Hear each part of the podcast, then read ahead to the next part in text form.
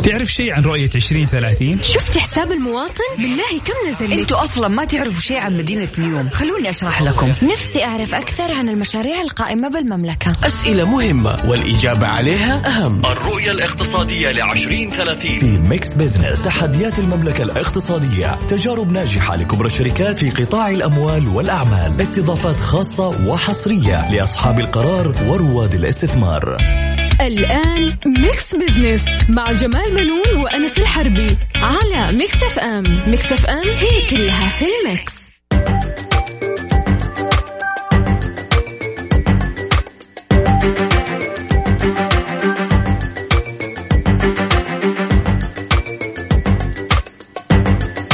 أهلا ومرحبا بكم مستمعينا. أنا جمال بنون أحييكم من Mix FM وبرنامج Mix Business. طبعا شاركتي في التقديم الزميل يوسف مرغلاني. أهلا وسهلا. أهلا. أهلا وسهلا.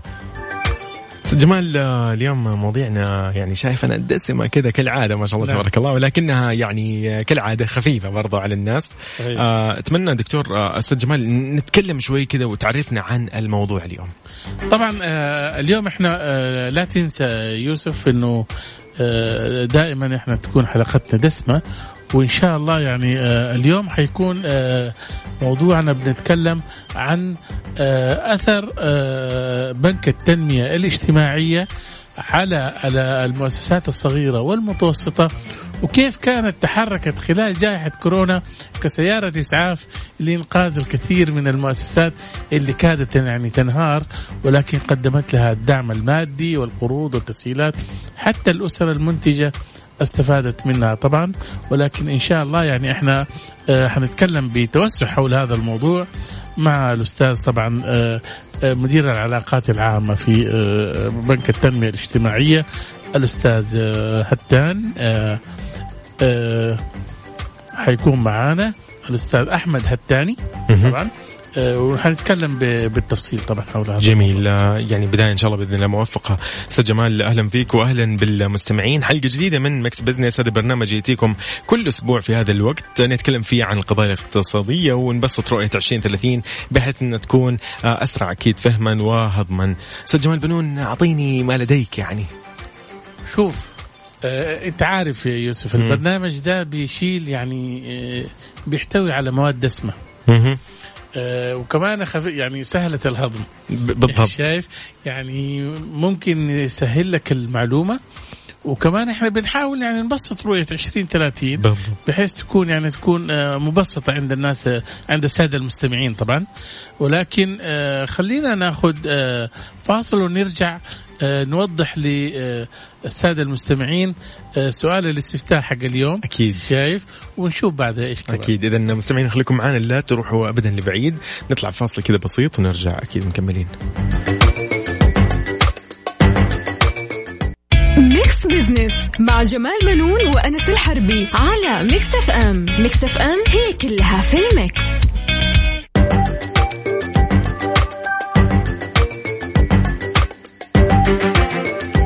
إذا حياكم الله مستمعينا مرة ثانية مكملين ومستكملين برنامج Mix Business آه، اليوم يشارك الأستاذ جمال بنون آه، أنا أخوكم يوسف مرغلاني. أستاذ جمال خلينا نتكلم شوي عن يعني ال- الأرقام اللي قاعدين نفتخر أيوه. بأنها يعني صارت وسمعنا عنها مؤخرا. أيوه شوف أظن أنت سمعت يوسف أنت في الفترة الأخيرة. آه إنه آه موسوعة جينيس آه دخلت آه يعني واحة الأحساء مهم. آه يعني لموسوعة جينيس آه كأكبر واحة آه، قائمة بذاتها في العالم طبعا وهذا شيء إحنا نفتخر به وأظن أفضل من أي أعمال آه، تانية إحنا نشوفها بتدخل يعني بالضبط. يعني قد لا لا تستحق ممكن بالفعل. صحيح. وأظن كمان يعني خلينا نذكرها أظن قبل فترة. أيوه. حقت أكبر كمامة يعني شايف؟ وهذه ما كان يعني ما أدري كيف يعني جات في عقل ال- ممكن ما تفيد أو ما إيه. تنفع أو ما تضر ما تعرف يعني. بالفعل. لكن هذه فعلا من الأشياء اللي ممكن آه، مو ممكن. هي بالتأكيد شيء أمانة يعني نفخر فيه جميعا. نعم. جميعا على هذه الأرض. يقول لك آه، تضم هذه الواحه مليونين و500 ألف نخلة تتغذى من طبقة المياه الجوفية الضخمة عبر يقول لك من ميت آه، أو عبر 280 بئر ارتوازيه وعلى مساحة تتجاوز 86 كيلو متر مربع. صحيح. وكمان آه، يعني هيئة التراث وصفت أن الأحساء أحد المواقع المسجلة في قائمة التراث العالمي في الأمم المتحدة وال يعني آه، يعني آه، بجانب مدينة ال- آه، الحجر في العلا إيه. وحي الطريف الدرعية التاريخية وجدة التاريخية طبعا إحنا هنا ومواقع الرسوم الصخرية آه، في جبة في جبة و- والشويمس في. حائل طبعا هذه كلها طبعا آه، مناطق حصلت على اعتراف من منظمة آه، يعني الأمم المتحدة للتراث العالمي. طبعا حتى الأحساء آه، تزخر بال- بالإضافة إلى تراثها البيئي وتراثها الطبيعي بعمق تاريخي وحضاري تعاقبت عليها حضارات إنسانية عدة وكانت حلقة آه، وصل استراتيجية مع العالم. لو نتكلم أيضا عن يعني اللي تضمه العديد من مواقع التراث الوطني يعود أقدم تاريخ الاستقرار البشري فيها إلى آلاف السنين. يعني تعد واحد نخيل فيها أكبر واحد نخيل محاطة بالرمال. هذه في العالم. فأنت شوف يعني جينيس إيش إيش سوت؟ يقول لك كانت جينيس الأرقام القياسية سجلت مسرح مرايا كمان أيضا في العلا آه، أكبر مبنى مغطى بالمرايا في العالم هذا العام إضافة لتسجيل عدة منجزات سعودية حققت أرقام قياسية وتحتل المملكة العربية السعودية المركز الثاني عربيا في عدد الأرقام القياسية في موسوعه جينيس. صحيح شيء جميل جدا الحقيقة. إحنا نفتخر بهذه الإنجازات بالنسبة للشباب وبعض الجهات الحقيقة. ليش؟ لأنك أنت تعطي للمكانة اللي أنت تحصل عليها في هذه العالمية مهم. قيمة مضافة. بالضبط. فبالتالي الناس لما تتفرج عليك أنت أنا زرت الأحساء وشفتها جدا جميلة الحقيقة ويعني آه، تستمتع بمشاهدة مو فقط يعني واحه النخيل ولكن المنطقة كلها تحتاج الحقيقة. غنية جدا. صحيح بالفعل صحيح. نقدر نقول لك كذا تحية نقولها لكل أهلنا في الأحساء والمنطقة الشرقية وكل مناطق المملكة. نوجه لهم تحية. أستاذ جمال خلينا كذا نذكر الناس ب أو المستمعين ب يعني عناوين اليوم ومواضيعنا في الحلقة آه كالعادة في فقرة على السريع راح نستعرض أبرز الأحداث والأخبار الاقتصادية مستمعينا مع التعليق على بعض منها. آه أيضا نذكركم مستمعينا بسؤال الاستفتاء اللي نطرحه عليكم كل أسبوع ونأمل آه أنكم يعني تتفاعلوا معنا وتشاركوا. لو بنتكلم عن السؤال اللي راح نطرحه أستاذ جمال حينما تريد الوصول لمكان أو تريد أن تصف عنوانا ماذا تستخدم؟ وصف تقليدي. طبعا هي ثلاث أشياء. آه اديناهم ثلاث خيارات. وصف تقليدي مستعين باسم الشارع أو مبنى مشهور. أم تستخدم خارطة جوجل أم عندك شيء آخر فيا ريت تحددوا أيضا في التعليقات على تويتر أنت إيش تستخدم؟ بالنسبة لي والله يعني خارطة جوجل طيبة صراحة. هي يعني من في الأ- 2005 بدأت. بالضبط. في الأماكن اللي ما فيها يعني أي مبنى معروف أو مشهور أو مركز معروف أنا صراحة مضطر يعني خارطة جوجل. خصوصا في المناطق السكانية يعني البيوت السكنية ما تقدر يعني ما تقدر توصف تقول من العمارة الفلانية. مو معروفة لأن العمارة أصلا. صحيح. وبالفعل هي جوجل أنقذنا صراحة. يعني تحية تحية لجوجل. طيب آه، أكيد مستمعينا تقدروا تشاركونا في هذا الاستفتاء. وفي فقرة أهل الثقة راح نتحدث عن دور بنك التنمية الاجتماعية في الأخذ بيد المؤسسات الصغيرة والمتوسطة خلال أزمة كورونا. وللحديث حول هذا الموضوع راح يكون معنا من الرياض أستاذ أحمد هتاني آه، عبر الهاتف مدير العلاقات العامة والإعلام في بنك التنمية الاجتماعية. فنطلع فاصل نستأذن المستمعين ونرجع نكمل أكيد في مواضيعنا.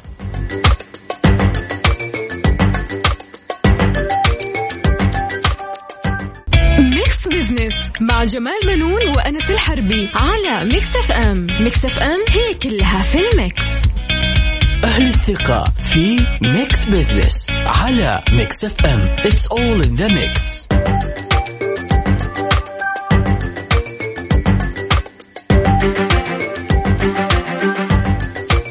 أهلا بكم مستمعينا الكرام. طبعا آه، يوسف آه، يعني أكثر المتضررين آه، من المنشآت التجارية خلال أزمة كورونا. طبعا كانت المؤسسات الصغيرة والمتوسطة آه، اللي لم تستطيع تتحمل تراجع مبيعاتها آه، وفترة الإغلاق وارتفاع تكلفة التشغيل. وبرزت طبعا في هذه الأزمة بنك التنمية الاجتماعية كأحد الجهات التي لعبت دور الإنقاذ بالنسبة لهذه المؤسسات. واليوم طبعا حنتعرف على دور يعني بنك التنمية الاجتماعية في الأخذ بيد المؤسسات الصغيرة والمتوسطة خلال أزمة كورونا وما هي الخطة التي وضعتها؟ وللحديث حول هذا الموضوع طبعا حيكون معنا من الرياض الأستاذ أحمد هتاني مدير العلاقات العامة والإعلام في بنك التنمية الاجتماعية. أهلا وسهلا. أهلا وسهلا أستاذ أحمد. السلام. عليكم. يا هلا وسهلا. يعطيك العافية. وعليكم السلام. حياك الله على أثير إذاعة Mix FM أستاذ أحمد. الله يعافيك أول شيء أرحب فيك أستاذ جمال وكذلك الأستاذ يوسف وكذلك مستمعي إذاعة Mix FM وأشكركم على اهتمامكم وتواصلكم طيب أستاذ أحمد أنا حابب أعرف يعني هل كان لدى يعني لدى بنك التنمية خطة طوارئ جاهزة لإنقاذ المؤسسات الصغيرة والمتوسطة؟ آه بداية آه أحب أقول أنه أدعو الله أنه يحفظ هذا الوطن من كل شر وأنه يرفع عنا هذه الجائحة التي أضرت كثيرا للأمانة وعن نعم. جميع دول العالم آه للأمانة بنك التنمية الاجتماعية هو جزء من هذا الوطن وبالتالي آه عمل على مجموعة من المبادرات وحزم آه حاول فيها آه، يتواكب مع التوجه العام للدولة في في في في تخفيف تبعات هذه الجائحة. للأمانة البنك كان له مساهمات في في تخفيف هذه التبعات على أصحاب المنشآت الصغيرة والناشئة والاسر المنتجة. فإذا تسمحوا لي يا ريت يعني تفضل تفضل آه، طبعا إحنا لو لو نظرنا للنموذج العالمي والدولي آه، راح نلاحظ أنه في يعني مجموعة من الإجراءات اللي قامت فيها بعض الدول تلخصت في إما زيادة التمويلات أو تأجيل الدفعات والرسوم أو تسهيل وتمكين الأعمال. للأمانة البنك عمل على كل هذه الإجراءات ولكل لكل منهم في حدة يعني. فلو نلاحظ إحنا عندنا مشعو يعني مسؤولية نستشعرها ملقاة على عاتقنا ولذلك بادرنا بمجموعة من المبادرات. عشان نخفف العبء على على الأسر إيش هي هذه المبادرات؟ أي. أول حاجة آه، البنك كان عنده مستهدف في 2020 لحجم الإقراض 6 مليار. في أثناء الجائحة رفع وضاعف هذا المستهدف إلى 12 مليار. ممتاز. آه نعم، البنك قدم مجموعة من المبادرات للمنشآت بلغت 9 مليار استفادت منها 12 ألف منشأة. من خلال جدولة تأخير الأقساط وهذا الدعم بكل تأكيد ينعكس إيجابا على العاملين في هذه المنشآت آه بالإضافة في جانب الأسر المنتجة آه ممن تم تمويلهم عن طريق محافظة البنك التمويلية آه، البنك قام بتأجيل سداد أقساط مشاريع الأسر المنتجة لمدة ستة أشهر مع تقديم حوافز تشجيعية بخصم 25% من قيمة كل قسط للمنتظمين في السداد. هذا كان له أثر كبير جدا من خلال دعم 40 ألف مشروع أسرة منتجة. جميل. 40 ألف. آه كذلك إذا تسمح لي بس م. كذلك في آه تأجيل أقساط ستة أشهر لعملاء منتج النقل والتوصيل التشاركي كان له أثر آه على دعم 3000 مستفيد طبعا نقصد بالنقل التشاركي اللي هم من يعملون عبر أنظمة توجيه المركبات عبر تطبيقات الهواتف الذكية عظيم نعم. عظيم أستاذ أحمد هل هل هل هناك رقم مثلا نقدر نقول أنه كم مؤسسة استفادت من برامج التمويل؟ طبعا أنا ذكرت لك الآن أنه هناك آه، بالنسبة للمنشآت 12 ألف منشأة آه، استفادت من هذا الأمر. 40 ألف أسرة منتجة 3000 من مستفيدي النقل آه، التشاركي اللي هو توصيل الطلبات توصيل. كذلك كذلك البنك يعني في مقابل هذه المبادرات كذلك أطلق مجموعة من المنتجات اللي ممكن تساهم في دعم وتحفيز وتمكين أصحاب الفكر الاستثماري وأصحاب المشاريع. من خلال إطلاق منتج نفاذ لتمويل العمل الحر بمليار ريال. هذا منتج موجه للمواطنين القادرين على العمل وما لقوا فرصة وظيفة أو أنه حابين يزيدوا مدخولاتهم الشهرية وعندهم حرفة أو مهارة متخصصة. المنتج هذا يتيح لهم الاستفادة من تمويل ميسر يقدرون يمارسون من خلاله آه، الأعمال الحرة لحسابهم الشخصي. جميل. هذا هذا متعلق بالعمل الحر. كذلك آه، البنك قام بإطلاق دعم المنشآت الصحية بمبلغ قدر ب 2 مليار من خلال إطلاق محفظة الرعاية الصحية. محفظة اثناء ما أعلن البنك محفظة للمنشآت الصحية بقيمة 2 مليار. نعم. أثناء ما أطلق البنك هذه المحفظة تقدم آه، للبنك ألف طلب تمويل وتم اعتماده في اللحظة بمبلغ 125 مليون ريال ممتاز آه، من ضمن الإجراءات كذلك في التسهيل على أثناء الجائحة وأطلق البنك بوابة البوابة الموحدة للجهات الحكومية. وهي بوابة آه، أحد الوسائل والحلول المبتكرة اللي طرحها بنك للجهات الحكومية استكمالا لاتمته جميع إجراءات وتسهيل وصول منتجاتها إلى مستحقيها عن طريق الجهات الشريكة. لأنه أنت عارف بين البنك وبين نعم. الجهات الحكومية في مجموعة من الإجراءات. صحيح. فأثناء الجائحة أطلق البنك هذه البوابة لتسهيل الإجراءات. طيب أستاذ أحمد بس معلش خليني أقاطعك. يعني آه، أبى أعرف المدة التي تستغرق من وقت التقديم إلى حصول على القرض أو المساهمة. قديش؟ أنت أنت تقصد المشاريع. إي نعم. حاليا.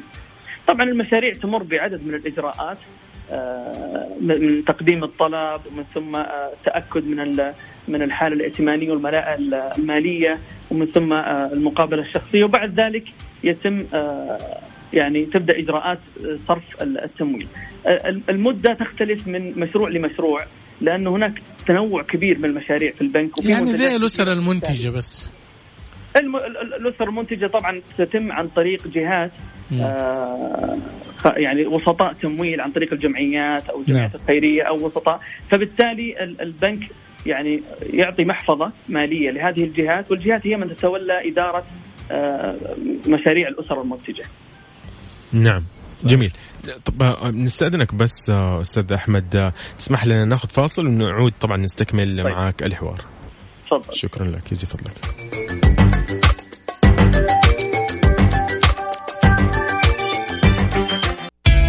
Business مع جمال بنون وأنس الحربي على Mix FM Mix FM هي كلها في ال mix. أهل الثقة في Mix Business على Mix FM It's all in the mix. أهلا بكم مستمعينا من جديد. طبعا حوارنا مستمر مع الأستاذ أحمد هتاني مدير العلاقات العامة والإعلام في بنك التنمية الاجتماعية. مرحبا أستاذ أحمد. حياك الله أستاذ جمال أهلا وسهلا. أنا كنت حابب أعرف يعني آه، هل راعيتم آه، إنه أثر الجائحة لا يزال قائم في مسألة السداد للقرض؟ تمام. يعني أنت لو تلاحظ أستاذ جمال آه إنه البنك أول ما أطلق مبادراته هذه الخاصة بموضوع تأجيل السداد آه وضع مبدئيا الخطة لستة أشهر. آه فأنت الآن يعني تمر بهذه المرحلة. خلال ستة أشهر البنك قدم فرصة الآن لمن آه، رجع مجددا لمزاولة العمل بأنه قدم له حوافز يعني تشجيعية إنه يخصم لك من قيمة القسط 25% في حالة إنك رجعت وانتظمت في السداد. أه. البنك صراحة للأمانة أنتم ما بتاخذوا فوائد؟ لا لا ابدا ابدا. نعم. عظيم. اي تفضل.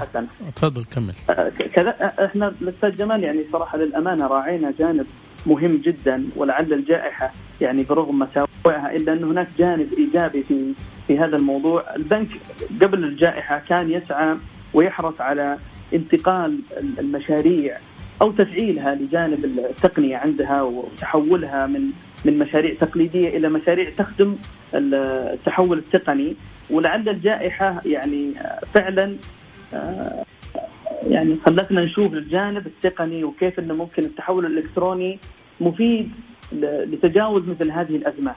آه، لاحظنا جميعا بأنه في أثناء الجائحة الجهات اللي كانت تعمل تقنيا أو تعمل الكترونيا كان الضرر عليها أخف من من يعمل على أرض الواقع أو عنده محل أو أو أو مشروع أو مصنع. فالبنك حريص على هذا الجانب بأنه يشجع أصحاب المشاريع إلى انهم يفعلون الجانب التقني والإلكتروني. صحيح. جميل. جميل. أستاذ أحمد لو بنتكلم عن الأرقام وقيم التمويل ذكرت قبل الفاصل إنه وصل أو رفعته ضاعفته اللي هو إلى 12 مليار ريال من 6 إلى 12 من 6 إلى 12 بالفعل. هل نقدر نستند على رقم في قيمة التمويل إجمالي التمويل اللي تم تمويله خلال أزمة كورونا؟ طبعا أنا مثل ما ذكرت لك الآن هم آه، البنك حاليا عنده مشاريع قائمة أساسا ومشاريع متقدم على البنك فيها. المقصد من هذا إنه إحنا ندعم آه، أو نرفع قيمة الدعم من آه، الإقراض من 6 إلى 12 مليار من أجل إنه نغطي الجانب اللي تضرر. بالفعل. نحاول إنه نواكب المرحلة القادمة بحيث إنه يكون في عدد يغطي الأضرار اللي صارت تباعا هذه الجائحة. لكن لعلي أذكر لك الأرقام والإحصائيات اللي البنك تاريخيا يعني مولها وقدمها. عظيم. البنك ولله الحمد عنده جوانب عدة من ناحية التمويل الاجتماعي وكذلك من ناحية اللي هو دعم المشاريع والمنشآت الصغيرة والأسر المنتجة. آه البنك قدم خلال مسيرته 50 عاما أكثر من 107 مليار ريال آه لثلاثة مليون مواطن ومواطنة بشكل مباشر وتسعة مليون مواطن ومواطنة لامست حياتهم آه بشكل غير مباشر. البنك كذلك عنده جانب آه يدعم ويحفز الحسابات الادخارية عن طريق منتج منتجات ادخارية. الآن عنده خمسين ألف حساب ادخاري. بلغت قيمة مدخراتهم أكثر من 104 مليون ريال. ممتاز جميل جدا. صراحة يعني. هذه أنت نعم من ضمن مبادرة رؤية 2030 يوسف طبعا. صحيح. أنه لازم تكون يعني تشجع أو المواطنين على التوفير. صحيح صحيح. في في في جانب الادخار كذلك، كذلك عندنا في جانب التمويل الخاص بالمنشآت الصغيرة والناشئة والأسر المنتجة. عندنا في فيما يتعلق بالأسر المنتجة ومزاولي العمل الحر عندنا 90 ألف عدد من المستفيدين بحجم يصل إلى 2.3 مليار ريال. في فيما يتعلق كذلك في جانب المنشآت الصغيرة والناشئة عندنا 26 ألف منشأة ناشئة وصغيرة خلقت هذه المنشآت أكثر من 60 ألف وظيفة. نتكلم عن 60 ألف وظيفة يعني دعمت السعوديين فيها أبناء هذا الوطن. عظيم جدا. يعني خلال أزمة كورونا بس لو سمحت. آه هل مثلا يعني آه كان الدعم أكثر كان بيروح للأسر المنتجة ولا يعني كيف كان بيتم التمويل؟ والله تنوعت أستاذ جمال من ناحية الدعم. يعني الأسر الجميع للأمانة في هذه الجائحة تضرر. نعم. وكانوا على حد سواء في هذا الجانب. فلذلك البنك لاحظ من ناحية الأكثر تضررا وبالتالي قدم يعني لهم مبادرات مثل ما قلت لك من خلال تأجيل اقساط مشاريع الأسر المنتجة لستة أشهر. بالنسبة فيما يتعلق بالمشاريع الطبية البنك ضخ 2 مليار في هذه المحفظة تحديدا وتقدم لها في هذاك اللحظة ألف طلب ومول البنك في لحظتها 125 مليون ريال. عظيم واضح جدا. أستاذ أحمد هتاني مدير العلاقات العامة والإعلام في بنك التنمية الاجتماعية. شكرا لك على وقتك. وجهود بنك التنمية كانت واضحة وفعالة فنأمل أن تكون قد استفادت هذه المؤسسات. ووقتنا طبعا انتهى أستاذ أحمد. شكرا لك على أنا هذا. شكري لكم وشكرا أستاذ جمال شكرا أستاذ يوسف. أهلا فيك. شكرا لك أستاذ أحمد. يا أهلا وسهلا. اذا كان معنا أستاذ أحمد هتاني مدير العلاقات العامة والإعلام في بنك التنمية الاجتماعية وتحدثنا عن الدعم اللي قدمه أكيد بنك التنمية. ومعلومات جدا مهمة بالفعل. بالفعل. نعم تفضل.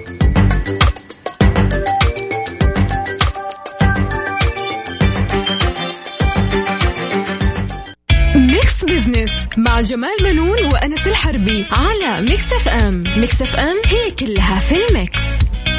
على السريع في Mix Business على Mix FM It's all in the mix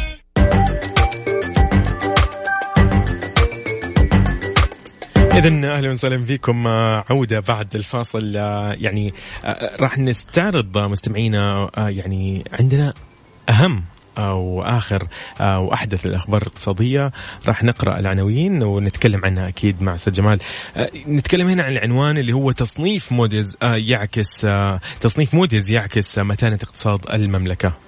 طبعا أنت عارف يعني وكالة التصنيف الائتماني موديز أعلنت قبل يومين إنه لإصدارات حكومة المملكة العربية السعودية ممثلة بوزارة المالية المقومة بالريال السعودي طبعا مه. على المقياس المحلي أعطتها درجة هي درجات طبعا تربل اي هذا التصنيف طبعا يعكس متانة الاقتصاد يعني السعودي ومرونته وقدرته على مواجهة التحديات وأيضا يعطي تطمينات للمستثمرين الأجانب اللي ممكن يجوا يستثمروا إنه الاقتصاد السعودي رغم يعني في كثير من الدول تأثرت خلال جائحة كورونا ولكن الاقتصاد السعودي كان متماسك واستطاعت مبادرات المملكة أن تحد من آه الأثر اللي ممكن كان ممكن يكون عظيم. عنهم. عظيم جدا.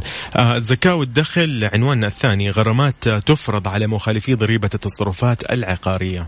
أنت عارف يوسف طبعا التصرفات العقارية هذه طبعا من ال- القرارات الجديدة اللي صدرت الأسبوع الماضي. بالفعل. وتم تطبيقها يعني بشكل سريع على حد الماضي كمان. طبعا آه، في هناك نوعا ما آه، عدم وضوح عند الناس. ما هي فاهمة إيش هي؟ طبعا التصرفات العقارية. آه، جا- الهيئة العامة للزكاة قالت إنه مخالفة أحكام آه، ضريبة التصرفات العقارية التي بدأ تطبيقها في الرابع طبعا من شهر أكتوبر. يترتب عليها ثلاثة أنواع من الغرامات المالية. مهم. تفرض على البائع الذي آه، طبعا آه، يعد مسؤولا عن توريد آه، قيمة الضريبة إلى الهيئة طبعا وأوضحت أن المتأخر عن سداد قيمة الضريبة تفرض عليه غرامة تعادل آه، 5% من قيمة الضريبة غير المسددة طبعا عن كل شهر أو جزء منه لم تسدد عنه آه، الضريبة. كما تفرض الهيئة غرامة آه، لا تقل آه، عن عشرة آلاف ريال آه، لا تزيد آه، ولا تزيد عن قيمة الضريبة آه، المستحقة في حالات مثل عدم الإفصاح. إذا أنت ما أعلنت يعني معلومات صحيحة في الوقت الصحيح أو عدم الإفصاح بشكل دقيق أو تقديم قيمة غير دقيقة للعقار فيما يترتب على التهرب من دفع ضريبة آه، يعني من دفع ضريبة التصرفات العقارية وفرض غرامة لا تقل قيمتها عن الضريبة المستحقة ولا تتجاوز ثلاثة أمثالها طبعا آه، ال- ال- البيان حق هيئة الزكاة والدخل كانت موسعة. ممكن اللي حابب يدخل في تفاصيل أكثر يدخل لموقع هيئة الزكاة ويعني يعرف التفاصيل. بالفعل. آه، عنواننا الأخير في قائمة على السريع تراخيص صناعية بقيمة 9 مليارات ريال في سبتمبر.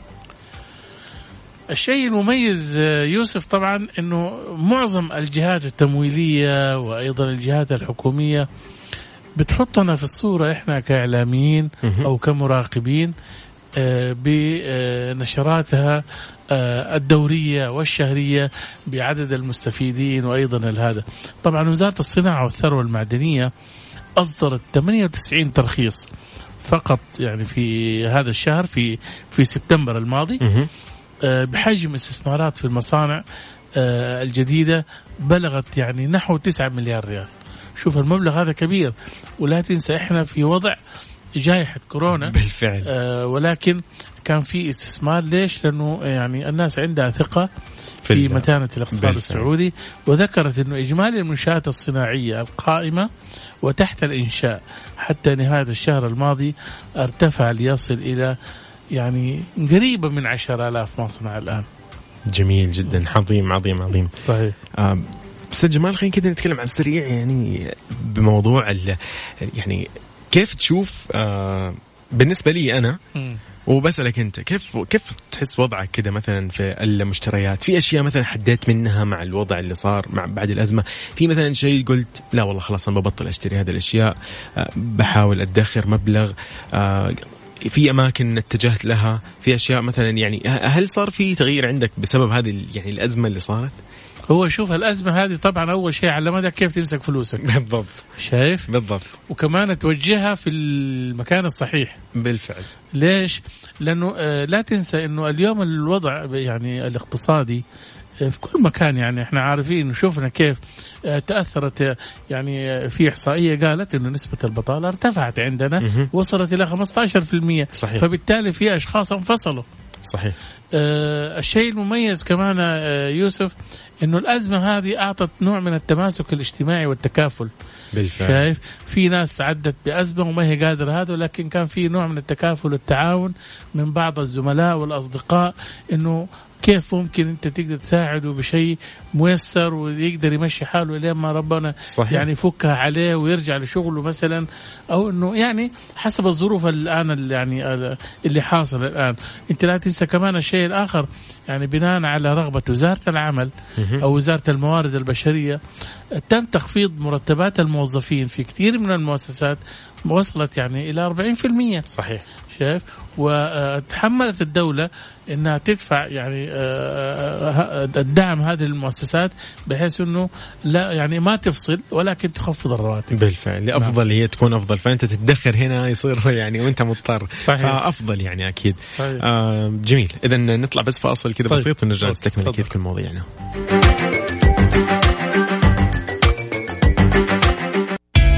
Mix Business مع جمال بنون وأنس الحربي على Mix FM Mix FM هي كلها في ال mix. نسبة وحسبة في Mix Business على Mix F M it's all in the mix.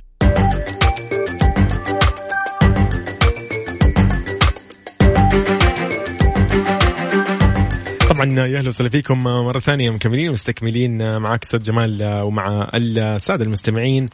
فقرة حسبة ونسبة السؤال المطروح على مواقع التواصل وحساب Mix FM على تويتر. يقول لك إذا أنت حبيت توصل لمكان أو حبيت توصف لشخص عنوان إيش راح تستخدم؟